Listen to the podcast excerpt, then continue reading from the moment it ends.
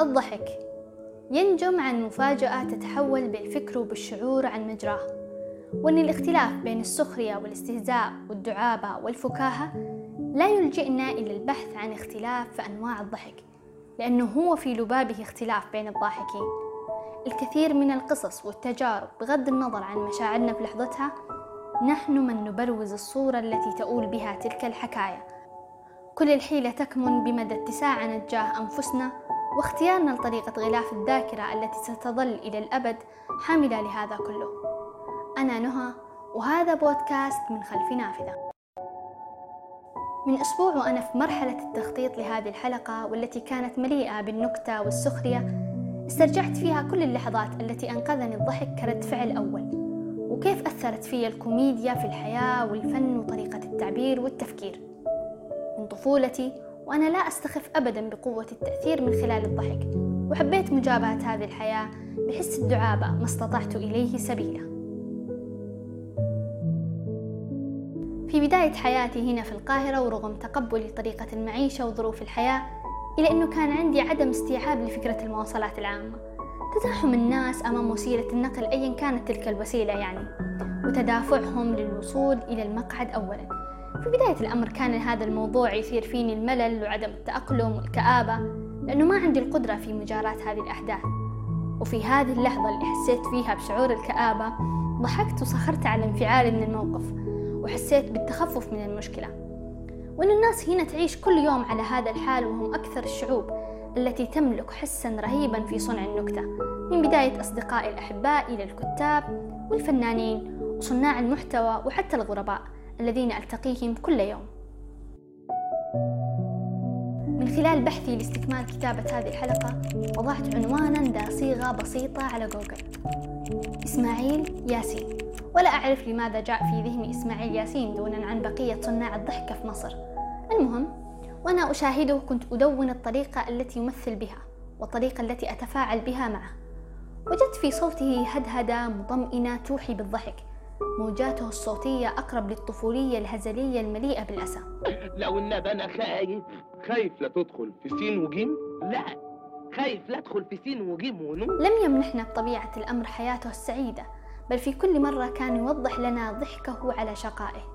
وكنا جميعا نضحك عليه لأن الإنسان بطبيعة الأمر تتضاءل أحزانه إذا ما نظر عن كثب إلى أحزان شخص آخر. وكما عرفت أن حياته تتلخص بين شقاء وحسرة واضحة في رجفة الأسى المخبأة داخل كل أغنياته. ألف قضية وألف رضية يوماتي يجوني من أحبابي ومن أصحابي واللي جابوني ليه عشاني أصل مؤدب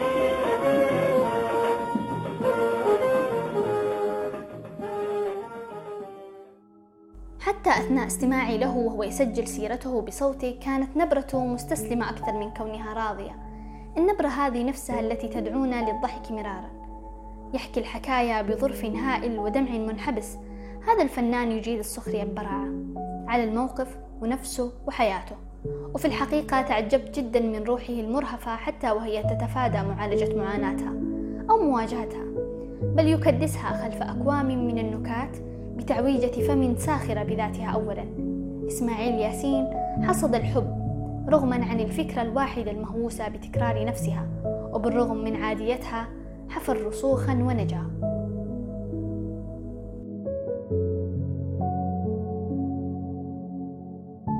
يقول فرويد أن السخرية ولدت من رحم القسوة وأنها تعبير عن الوحشية والعنف. فنحن نضحك على مآسي الآخرين وعثراتهم. نضحك على من ينزلق على قشرة موز لأنه ليس نحن. ونضحك على الموقف المحرج الذي يتعرض له بطل الفيلم الساذج لأننا لسنا مكانه.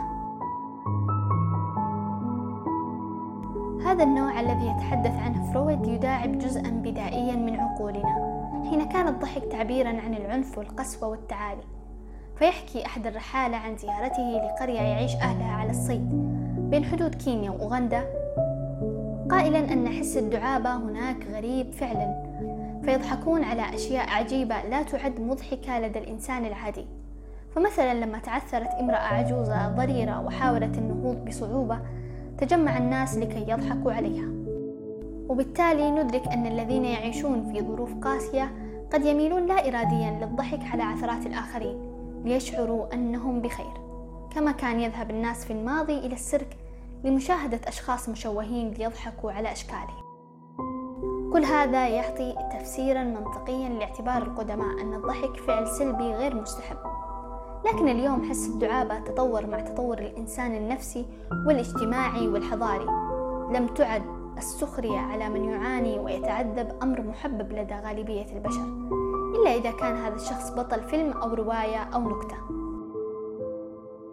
أثناء تطور السخرية اكتشف العلم فوائد عديدة له على جميع المستويات. لأنها تؤدي إلى التفاؤل والتفاؤل يؤدي إلى قوة التحمل. ووجد العلماء مؤخرا أن الذين يستخدمون كوميديا الموقف في حياتهم اليومية يعني السخرية من مفارقات الحياة والضحك الاجتماعي يكونوا أكثر اتزان واتصال مع نفسهم من الذين يستخدمون السخرية المؤذية تجاه النفس والآخرين. أما نحن اليوم فلا ننظر للسخرية والضحك كما كان ينظر لها في الماضي بل تطورت لدينا كما تطور كل شيء في هذه الحياة بالإضافة إلى وجود فوائد عديدة لها على الجانب النفسي والجسدي كذلك. من ضمن ما قرأت عن الضحك ومشتقاته وجدت مصطلح يناسب فكرة الحلقة الدعابة الوجودية أي السخرية من الأوضاع والأحوال ومفارقات الحياة والقدرة على تجاوز النظرة التقليدية للأمور ورؤيتها من جانب آخر يستدعي الضحك على أنفسنا ومن الحياة طيب كيف نطور هذا الجانب فينا؟ فين السؤال؟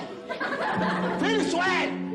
أنا أحط إيدي على السؤال تلاقيني فريرة فين السؤال؟ هو ده اللي هو تعرف إيه عن المنطق اضحك على نفسك بعض الناس لا يعتبرون الضحك على النفس شيء مستحب ولا يعرفون أنها قد تكون دليلا على الارتقاء النفسي لأنه من يستطيع أن يضحك على نفسه بزلاته وعيوبه وأفكاره وطريقة تعامله في كل المواقف. بالطبع يكون متصالح معها متقبلا لها متجاوزا لكل مشاكلها. بالإضافة أن هذا الفعل يزيد من الجاذبية الاجتماعية. لكن بشرط أنه يكون الشخص واثقا من نفسه لا مثيرا للشفقة. لما ارتقى الإنسان في مراحل التطور النفسي استطاع الانفصال عن وجهة نظره الخاصة ليستطيع رؤية نفسه من زاوية فكرية ثانية. لذلك يتولد عنده النباهة في أوجه الدعابة وأن يسخر دون أن يشعر بالإهانة. وأحب أكرر أن هناك فرق بين السخرية من النفس والسخرية لإهانة النفس. ولا تنسوا يا أصدقائي أنه ليس من المنطقي أن نشعر بالتعاسة على مدى سنين عمرنا. لأنه في الإنسان ما فيه من نقائص وعجائب ونقاط ضعف. لكن الذكي من يدرك مبكرا أننا بشر أيامنا معدودة وقدراتنا محدودة وبالرغم من هذا نتناسى وهذا بحد ذاته يدعو للسخرية. أسخر من الحياة. البحث عن الحقيقة والجمال أفعال تتطلب السماح لأنفسنا بأن نظل أطفالا طيلة العمر. ليش الأطفال يضحكوا أكثر مننا نحن الكبار؟ بالضبط. هو نفس السبب إنهم ما يأخذوا الحياة وأنفسهم على محمل الجدية. يقفزوا ويغنوا ويرقصوا ويتهابلوا دون خشية على مكانتهم الاجتماعية أو نظرة الناس لهم كما أنهم في دهشة دائمة تثير فيهم الفضول. ساعدني الصراحة تدوين المواقف الطريفة أكثر من تدوين الحزينة منها وبدأت أحكيها وأشاركها لأنها تشكل مادة ثرية للضحك. وهذه الحيلة اللي يستخدموها كل ال stand-up comedy كل شيء حتى لو كان جاد يصلح بقدرتهم في السرد مادة للسخرية لأنه جديتها أصلا مادة خصبة. فمواقف الحياة مادة ثرية ولعبة مدهشة ومضحكة إذا قررت رؤيتها من هذا الجانب.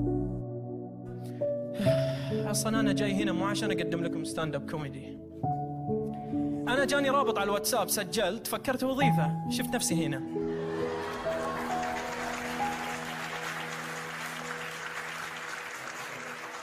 عشان كذا جيتكم بشماغ. في أحد HR هنا يا جماعة؟ هذا ال CV موجود.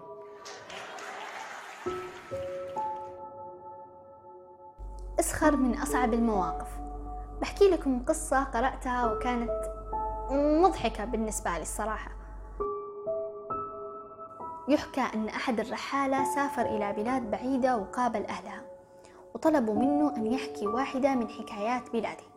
فحكى لهم قصة أبو القاسم الطنبوري تاجر شديد البخل لدرجة أنه كان يرتدي حذاء واحد لا يغيره أبدا. احترق الحذاء وصار ممزق بطريقة لاحظها كل الناس. وفي يوم من الأيام أقنعه أحد أصدقائه أن هذا لا يليق بوضعه الاجتماعي كتاجر كبير ونصحه أن يتخلص من هذا الحذاء. اقتنع التاجر فذهب واشترى حذاء جديد وألقى بالقديم في مرمى قمامة وقرر أن يكافئ نفسه. في هذه الأثناء مر الرجل عند مرمى القمامة ورأى حذاء الطنبوري الشهير فتعجب من أنه مرمي هكذا. ظن أن أحدهم سرق حذاء التاجر ورماه هنا فقرر في شهامة إعادته له. أخذ الحذاء وذهب به لمنزل الطنبوري ووقف أمام منزله وناداه. لكنه كان نائما ولم يرد فقذف بالحذاء ليدخل من النافذة. استيقظ الطنبوري على صوت التطامه بزجاجة العطر وتهشمها على الأرض. غضب وأمسك بالحذاء ورمى به من النافذة فسقط على رأس أحد المارة فاشتكاه للقاضي الذي أمر بعقابه. تضايق التاجر من الحذاء فقرر أن يرميه في النهر إلى أن صيادا وجده وأعاده في اليوم التالي. جن جنون الرجل فقرر رميه في المجاري. فانسدت المجاري وطفحت وظهر الحذاء فعاقبه القاضي مرة أخرى.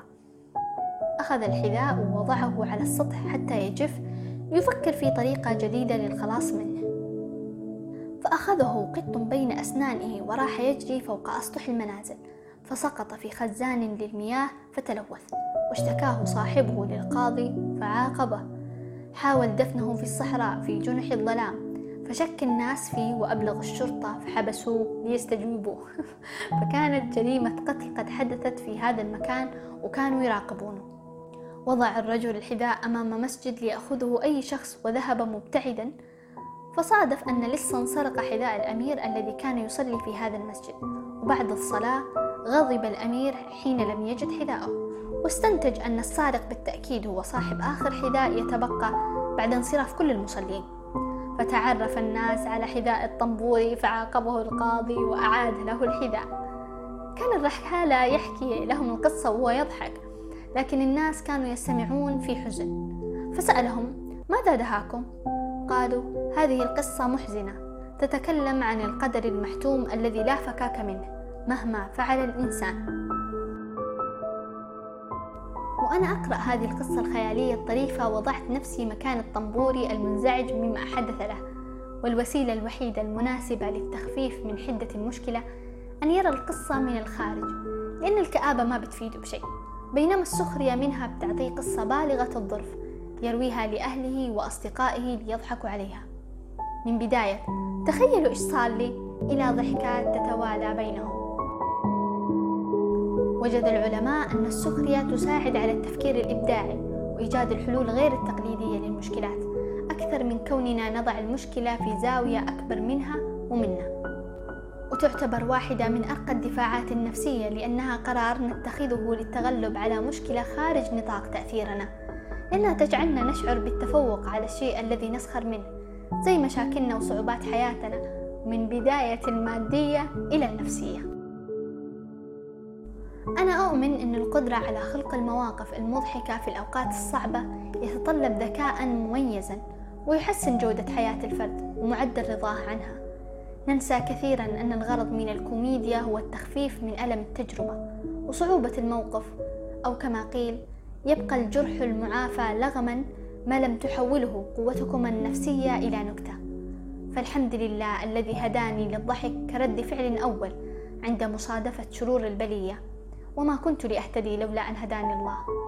دامت ضحكاتكم بهيجة راضية خالية من الشحوب والضعف في أمان الله.